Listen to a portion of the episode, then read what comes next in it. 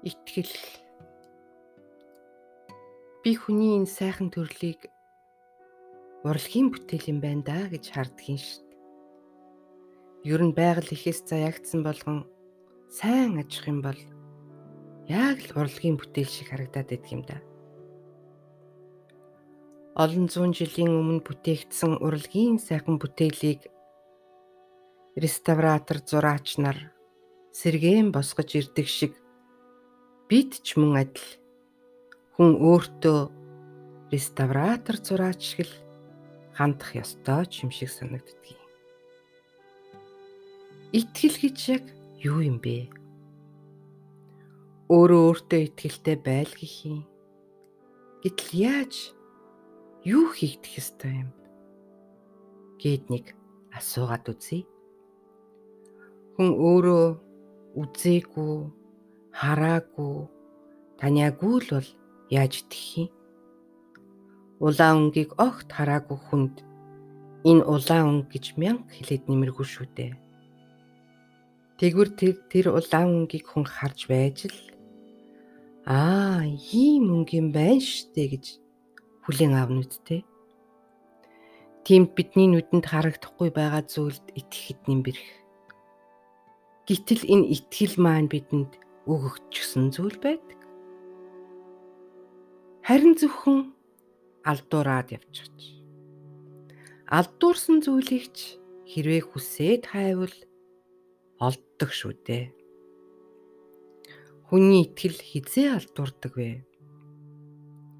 Итгэл алдуурах гэж ярьдаг шүү дээ. Тэгвэл алдуурсан итгэлийг олж авч бас болох боломжтой л юм байна хэрвээ та хүсвэл шүү дээ. Тоохгүй байвал олдохгүй тэл адил олдохгүй шүү дээ. Хүүхэд ихээс унахтаа л амьдралын хатуу бэрхтээ нүүр тулдаг. Даарна, чочно, өвдөн. Дуу гарахгүй бол их баригчимч нар бүксэн дээр нь алгадаад орхино. Тэгээд л амьсгал аван уйлж эхэлнэ. Тэр нялх амтан зовлон амсаад л ирж байгаа үсттэй. Ихийн чэйчэнд наалдан ангир шар уурга амлж байж л сэтгэл нь тайвширна. Жохон том болоод бүх юмыг барилж үзэх гин амталж мэдрэх гин дуурайж хийх гин тэр үеэс эхлээд л бол болохгүй зүгээр вэ? Чи чадахгүй. Яаж байгаа юм? Алив аав нь хийчихье ээж нь хийгээд үгүй.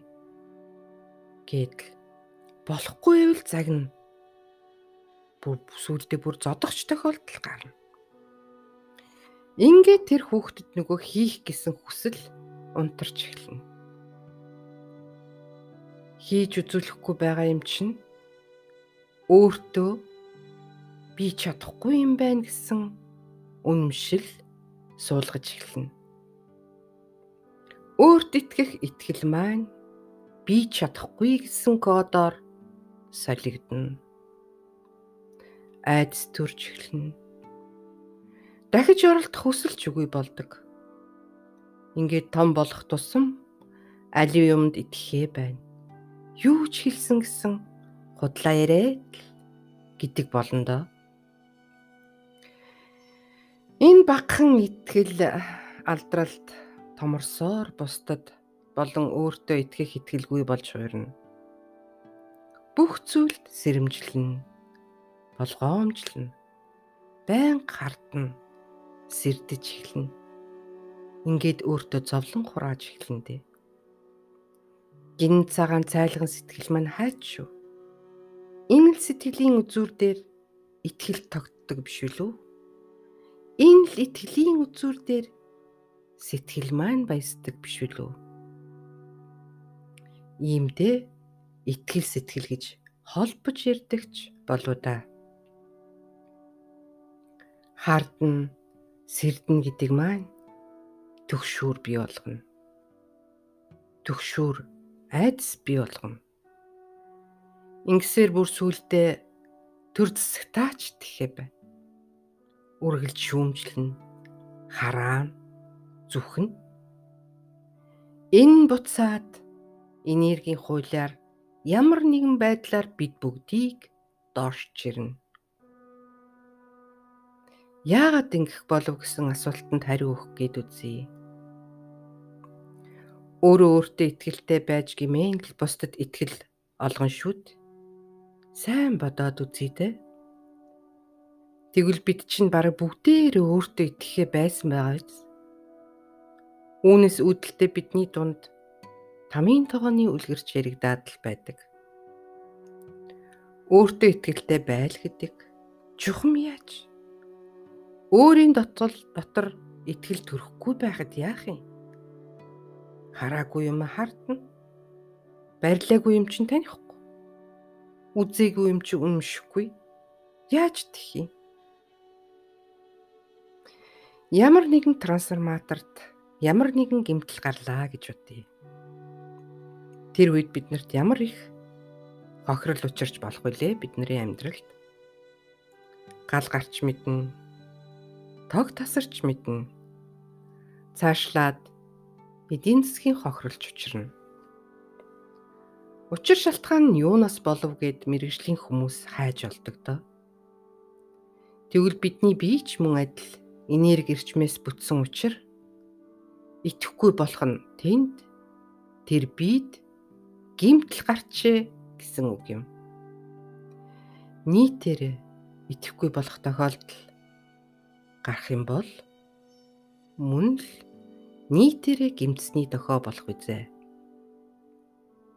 Тэр цагт нөгөө л айдас урам хугарах хараал зүхлүүд түрээд гараад ирэн шүү дээ. За ингээд итгэхгүй байснаар хаширч явснаар хашир хүн болж хуурдаг. Хашир хүн гэж хаширсан хүнийг хилдэг гээд байдаг нь тийм ч бас зөв зүйтэй биш юм аа. Харин хашир хүн гэж хэнийг хэлэх вэ гэвэл холыг харж урьдчилан сэргийлж чадах хин хиндэ гохирол гарцгүйгээр давж гарах ухаантай хүнийг хашир хүн гэд хэлбэл ямар вэ?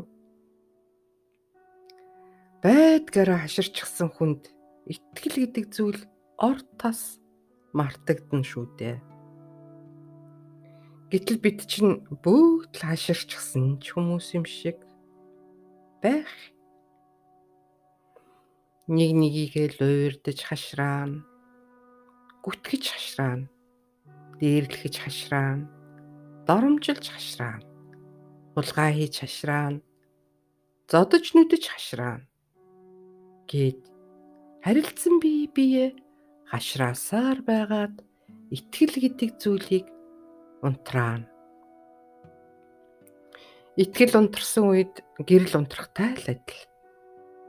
Тэгвэл гэрэл цахилгааныг засвар хийгээд асааж чаддгийн адил мөн л өөрийн бие засвархийн итгэл үнэмшлийг засаж залруулах боломжтой юм байна.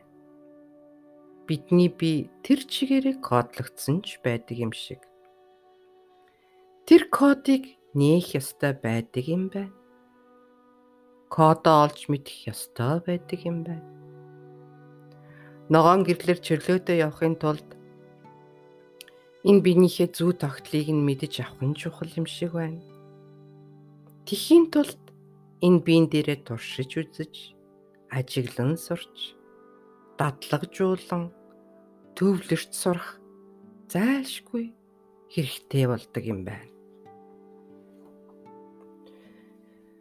Энд ч бас боломжтой болохыг мэдрүүлсэн өөрийн нэгэн түүхээс хуваалцъя над өнгөрснийг хараад хилээд байдаг нэгэн герман залуу та танилцах боломж гарсан юм. Бид хоёр энэ тэрийг ярьж суухад нөгөө залуу маань намайг нилээд ажин байснаа. Чи жаахан байхдаа их зодуулдаг байсан уу гэж асуулаа. Үгүй. Юр зодуулж байгаагүй гэж хариултал. Тэр залуугийн маань нүур хувьсгээд тэр дорой уутгартаа болсноо. Ингээд хүмүүс итгэдэггүй юм дөө гэд уйтгартайгаар хэлв. Би ч жоохон сандран энэ юу хэлэх гэсэн юм бол гэж бодон уучлаарай би мартсан байж болно. Чи юу олж харав? Над хэлээд өгөөч гэж гуйлаа. Нөгөө залуу маань жаахан чимээгүй байснаа. Чамаг хоёр хүн зодоод үснээс чинь чирэн явна штэ. Чи маш их айж байна. Түүнээс үүдэлтэй чи өөрөө хараагүй л бол итгэхэ байсан юм байна гэлээ. Би ч дүүгүй анхааралтай сонссуулаа. Бид хоёр энэ тэрийг ярин инээлдэж сууснаа нөгөө залуу маань явлаа. Явсныхан дараа хэлсэн үг нь толгойд эргэлдээстэй байсан боловч санаанд нь зодуулан байсан түүх орж ирдэггүй. Гисэн ч би бас үгүйсгсэнгүй. Бодолд орж ирэхгүй байсан ч хэлсэн үг нь бодогцоор орой болон унтахаар хөвтлээ. Нойр хөрөмгүй хөвтөж байтал гинт нэгэн зураглал яг л кино үзэж байгаа юм шиг мэлсгээд гараад ирлээ. Намайг хоёр охин өснөөс минь ширэн явж байгаа харагдлаа. Миний орилон хашгирах айжимээс нь дуу сонсогдох. Дүр зураг тодоос тод үзэгдлээ. Яг тэр үед над бодтоор тохиолдож байсан аимшигт зүйл маань санаанд минь орж ирлээ. Би Орос сургууль 6 дугаар ангид сурч байлаа. Ангийн найз Орос охинтой хоёулаа Американд дэнжид одоогийн кино үйлдвэрийн тэнд юм уу та? Явж байтал бидний үеийн хоёр монгол охин хаанаас ч юм араас гарч ирээд бид хоёрыг толгой төрөөгүй зодчихлоо. Тэгсний намайг үснээс минь чангаан хэсэг зур хоёулах хамтдаа жирсэн юм. Энэ болсон явдал тэр цагаас хойш миний санаанаас юур гарахгүй явдаг байж билээ. Сахиустайгаа уулзрах тэр үеэс бүр санаанаас минь ор тас алга болсон байж л дээ. Би дотроо ийм юм нэрэ болж байсан штэ гэж бодон хөвтөх зураа. Энэ айдснаас болоод итгэл үнэмшлийн минь код хаагдсан юм байна штэ гэд над илт бодогдоод явчихлаа. Би тэр үед өөр дөр их ажилдаг байсан л та биеэ сул тавьж шивтэнгээ өөртөө команд өглөө. За энэ ихтгэл үнэмшлийн маань код хаана хаагдсан байна? Над мэдрүүл гэж өөртөө тушаалаа. Миний бодол санаа бүгд өөрийн дотор чиглэсэн байлаа. Хэсэг хугацааны дараа удаагүй 2 минут болсон болов уу? Гинт миний хоёр далан дээр бөмбөр цохиж байгаа юм шиг ээлжлэн түг түг түг түг гэд хид хідэн удаа цоглоо.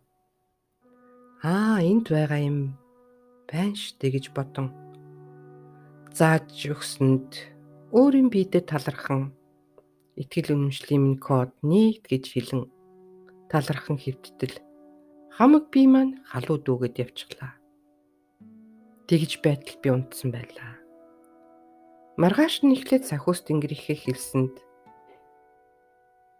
ёор баталгаа хайхаа болж тас итгэдэг болсон байснаа анзаарлаа. Ингэж л би итгэл үнэмшлээ өөртөө олж авсан юм. Үүн шиг өөр дээр ажиллаад л туршаад л байвал өөр юугаа ч илжүүлэн гаргах боломжтой юм байна да гэж би ойлгосон. Хүний үгэнд итгэхэд бэрх боловч та нар маань өөр дээрээ туршаад үзвэл ямар бол танд хэрэгч болж мэдэх юм. Зөвхөн үг сонсоод биш өөрийн бие дээр засвар үйлчлэгийг нь хийж явж байж л хаагдсан болгоно байранд нь эргүүлэн тавьж болдгийг өөрийн бие дээр мэдэрсэн билээ би. Энэ их сонин хүн хилээд байхад итгэдэггүй. Заавал өөрийн махан дээр мэдэрч итгэдэг. Одоо яах вэ тэгээд л явж байхаас гэж над нэгэн онгод хэлж байсан билээ. Би ч хүнд итгэдэггүй хүн биш л дээ. Бас ч гэж гайгүй. Харин хараагүй, үзээгүй, батлагдаагүй зүйлд итгэж чадахгүй байлаа. Итгэн гэдэг мөн ч сайхан чанар шүү. Итгэл даах гэдэг бүрт сайхан сэтгэл шүү. Хүн ийм л болж чадваас үйл хэрэг болгоно бүтэж үйлс болгоно дээшлэх нь дамжиггүй юм эхлээд өөрийн итгэл хаан нухацнаа илжүүлээ. Тэр цагт өөрөө хүнд итгэлтэй хандаж эхэлнэ. Өөрөө итгэж эхэлнэ. Чин сэтгэлээсээ та итгэлд итгэж чадваас хариун ч мөн чин сэтгэлийг байх болно.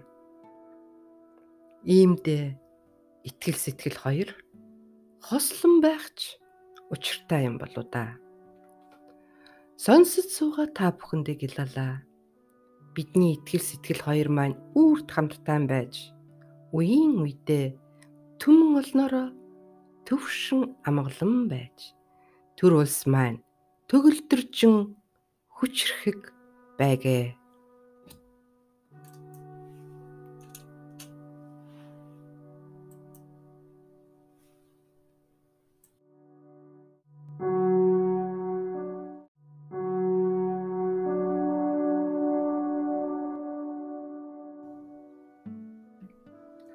Алтан хайрцаг нийлэгсэн.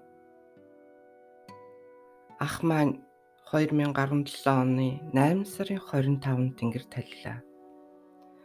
Мани бадмихум.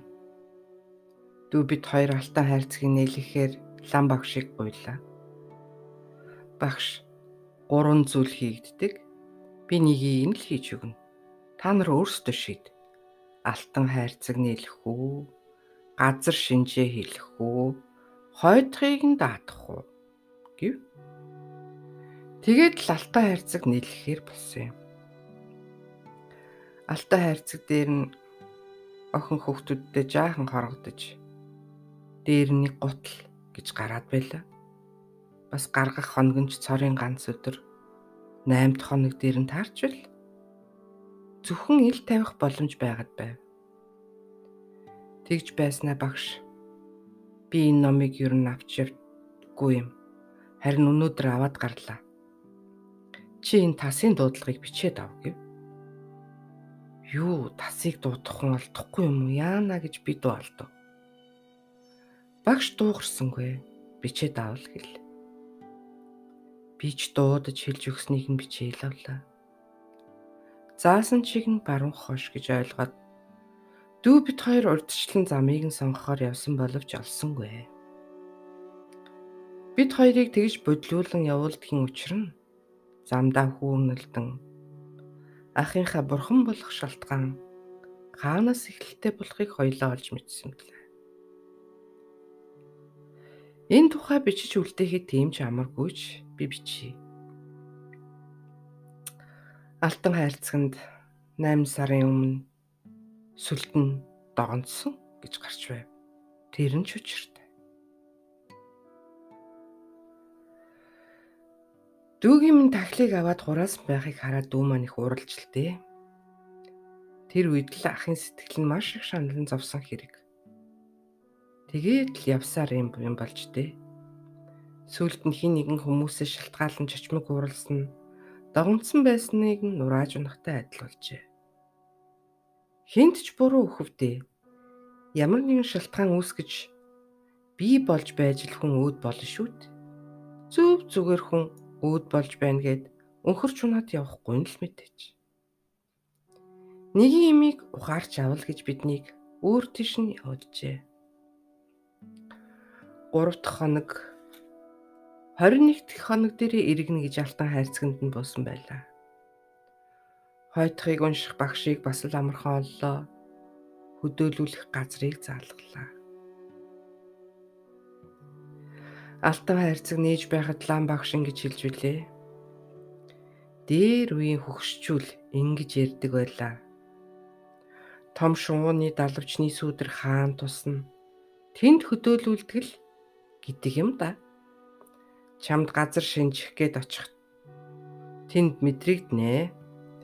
Нэг дохоо ирнэ гэж хэллээ. Би дотроо бурхан минь гэж. Тэр дохоог нь мэдэхгүй алдах үедээ л гэж бодцуулаа. Тэгээд дүүтэйгээ бас нэг өөр лам багш бид гурав газар шинжихээр баг хангай руу гараад жилээ. Зүг чиг нь тэнд байна. Тас ийгч би бас дууччихна гэж нөгөө лам багш маань хэллээ. За ашгүй дээ гэж би бодож суув. Очих газраа очтол лам багш маань ирэхэд татаж үзээд ямар хачи юм бэ? Яагаад энэ ойрхон айл буучих вэ гэж хэлээд дахин дахин ирэхэд татан илүү. Би ч бас сэтгэл сэрдгийн ийш тийш харан Миний багшийн хэлсэн дохоо ирэхгүй юм байх таа гэж бодон харна. Тэгтэл тэнгэрт нэг шууд алавчаа хөдлөхгүйгээр харавсан сум шиг хаанаас ч юм гарч ирээд хар хурдаараа яг л сум шиг шууд газарт унах шиг болов. Лам багшаа тэр зүгт байж болох уу? гэд зүгийг заатал лам маань эрхээ нэгэнтээ татаж үзснэ. Тийшээ явъя гэд ухсив. Хөдөөлүүлэх газрыг нэгэн шонгор шүү шуран хайлан зааж өгсөн юм. Яг л тэр чигт жаахан дээхэн газраа тогтов. Зан үлээ хийж газраа гуйж авлаа. Миний би лам багшийг тасын дуудлага дуудаж байхад аманда тэнгэрээс хэлж өгсөн дуудлагаа мөн давхар дуудан суулаа. Тэгтэл хідэн томхар тасууд ах юм тавьсан газарт нисэн ирж тойрч нэг гороолсноо нэгэн тас зөгцийг нь шүүрэн авч тэнгэр талын нисэх нь харагдав. Ингээд лаваад явдаг юм байна да гэж дотроо залбиран зогсох өөрийгөө би бас олж харав. Гач уртад өргөлөө өргөж байхад чихэнд нэг тарин шиг дуудлага дахин дахин орж ирээд байв. Цаас аваад ирдэ гэж дүү хүүхэндээ хэлээд нөгөө дуудлагыг бушуухан бичээд авлаа. Энэ юун дуудлага вүлээ гэж асуутал дасын дуудлага гэж тодоос тоднаад хэлж өгсөн юм. Ингэж л дээрэс тасын дуудлагыг хэлж өгч үлээ. Өндөр дээд өвөг дээдсдэг ялалаа гэд би өргөлөө өргөн залбирлаа. Гайхалтай өвөг дээдс минь үнэхээр агуу юм. Ах манч агуу хүн байжээ. 3 дахь хоног дээрээ гэрээрээ иргэнэ гэж буусны дагуу хүүхэд нохоо баярлуулав гэрт нь очиод сууж байтал толгойроод эргээд явчихсан. Эн чи юу лээ? Арай 3 дахь хоног нь өнөөдөр биш байгаа гэж бодож амжаагүй байтал ах маань үүдээр ороод ирлээ. Бог нь ханцуутай цамцтай нүүр тусан сайхан харагдаж байна. Надад цай хоол өгдөггүй юм уу? гэлээ. Би сандраад хөөе хүмүүсээ нь өмнө хоол хийж тавьсан уу? Хийж тавиарэ гэд хоол хийлгэж тавиулв. Тэгтэл ах маань би 17 цагт дахин ирнэ. Харин нэгчтэй наад мөнгнөөсөө ийм пүүз авч өгөөрэй гэд надад нэгэн цагаан пүүз харуулв. Болох юм уу гэж би жаахан тоглоом хийж асуудал болно болно гэж хэлв. Та хаана байгаа юм бэ гэж асуудал чи тэрийг мэдэж яах нь бидэнд очих газар бас байдаг юм гээд шүрхийн гараад явчихваа. 8 дугаар сарын 28 төрсөн өдөр нь үлээ. Би дүү нараасаа аавынхаа төрсөн өдрөөр юу авч өгдөг вүлээ та нар гэсэн чинь торт гэж хэлв. Учир байдлыг тайлбарлаж хэлээд оройн 17 цагт аавч нь ирнэ гэд явлаа. Бид тэр болтол нь маань хөгжөе. Нэг торт аваарэ. Дээр нь хүргэн дүүгээ мэддэг намаа уншаарэ гэд юм хумаа бэлдэв. 17 цаг арай болоогүй 8 минут дутуу байлаа. За нэг түр гарчхаад ирэй гэж бодоод шатаар уруудтал толгой манас хийн. Нэг хүчтэй салхи хажуугаар шур гээд өнгөрөв. Ах маань зөрөөд оржээ. За яах вэ? Цаг арай болоогүй байна. Жоо хазан жагаад яваад орё доо гэд доошо шатаар бов. Удаж төдөлгүй би орж ирээд бид бүгд ширээнд сууж маань хөгжөн эхлэхэд ах маань надад харагдлаа. Хоёр гараа урдаа бариад иний далдан зогсож байлаа. Мэдэрсэн бололтой бэрэгч маань дүүнер маань нулимс унгав. Өргөн дүүг намаа уншгээд итгэл мэгзэм хоёрыг нь уншуулхад ах маань хөг хөгхийн инээд алдаж хүрэгнээ хайрлах харцаар харан инээж вэ. Тортноос нь зургийнх нь өмнө тавьсан байлаа. Таны төрсөн өдөр зориулж торт авсан гэд хэлтлэх маань. За та нартай баярлалаа. Сайн байна. Сайн буян хийвээс би 21 дэх хоног дээрээ буцаад явна. Миний хэлснийг бити мартаарай гэж хэлчихэд бас л нүд ирэмхийн зур гараад явчихв. Би ихчээсээ та хоёрын дунд цагаан пүүзний тухай яриа гарсан уу гэж би асуулаа. Миний пүүз зурагчхаж итэл Би чамд бүүз авч өгнө гэж ах чинь хэлж байсан юм аа. Үгүй үгүй чи өөртөө ав гэж хэлтэл чамд авнаа гэсэн яриа бит хоёрын дунд болсон юм аа гэж бэр ихч маань хэллээ. Нөгөө алтан хайрцагт буугаад исэн гутлын учир нь олдов. Тэгээд буйны мөнгнөөс нь өөрт нь 150 мянган төгрөгийг төв дор нь өгүүлв. Маргааш бэрэгч маань таалагдсан пүүзээ авсан байлаа. Эхний энэ өдрүүдэд би 3 удаа хөл бөмбөг шиг хэмжээтэй наран гэрлийг харлаа. Эхний удаа нь гэртээ зуласаач хаад байж байтал намсрай бурхны минь жаазны дээд өнцөгт тодоос тод гяс хийлээ. Яг л нар шиг. Дараах өдөр нь урд барьж байгаа 20 давхар байшингийн орой дээр үн л адил тодоос тод яг л тэр гэрэл гялс хийлээ. Гурав дахь өдөр нь манай хотхны хажуугийн байшингийн дээврэн баруун зүрт харагдав. Энэ хэн бэлхийг мэдсэнгүй. Бодвол зонхоо бурхан байсан болов. Ах маа нарай биш болов. Мөн ч болов мэдэхгүй. Ямар ч байсан эхний хэд хоногт дараалаад ийм юм болсон юм. Өндөр дээдсүүдтэй гялалаа.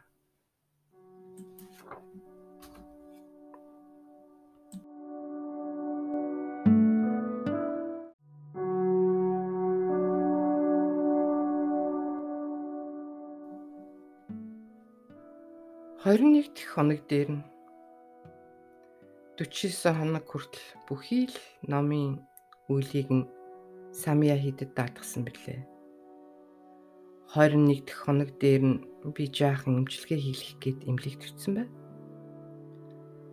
Долоон лам ирж ном унших тул оройн ахынд очлоо. Долоон лам ирэхэд хийдийн сахиус дагдаг гэж хэлж байсан сайхан хоолойтой лам нар ном уншлаа. Өдөр нь очиход ах маань жаахан хавгансан байдалтай байгаа нь хальт над харагдсан. Яасан бол дөө гэд бодож байлаа. Орой очиж сууж байхад харагдахгүй лээ. Тэгсэн гинт сүвэг буугаад ороод ирсэн харагдав. Ном дуусахын алдад ах маань тэр сүвгийн урд зогсчихсон. Яана гэд нилээд айх баярлах хослон байхыг би олж харлаа. Сувгийн хажуугаар мэрсэр дээш гарах гэсэн сүнснүүдийг мөн харж ил. Номч дууслаа. Ах маань ч хэлсэн ёсороо 21 дэх хоногтоо Бурхны орон руугаа дээш заларлаа. Ум сайн амгалан болох болтугай. Уммани бадмихум 21 дэх хоног дээр явж байгаа ахыгаа хараад үнэхээр агуу хүн байсныг ухаарсан юм. Ум сайн амгалан байх болтугай. Ум мани бадмихум. Thank you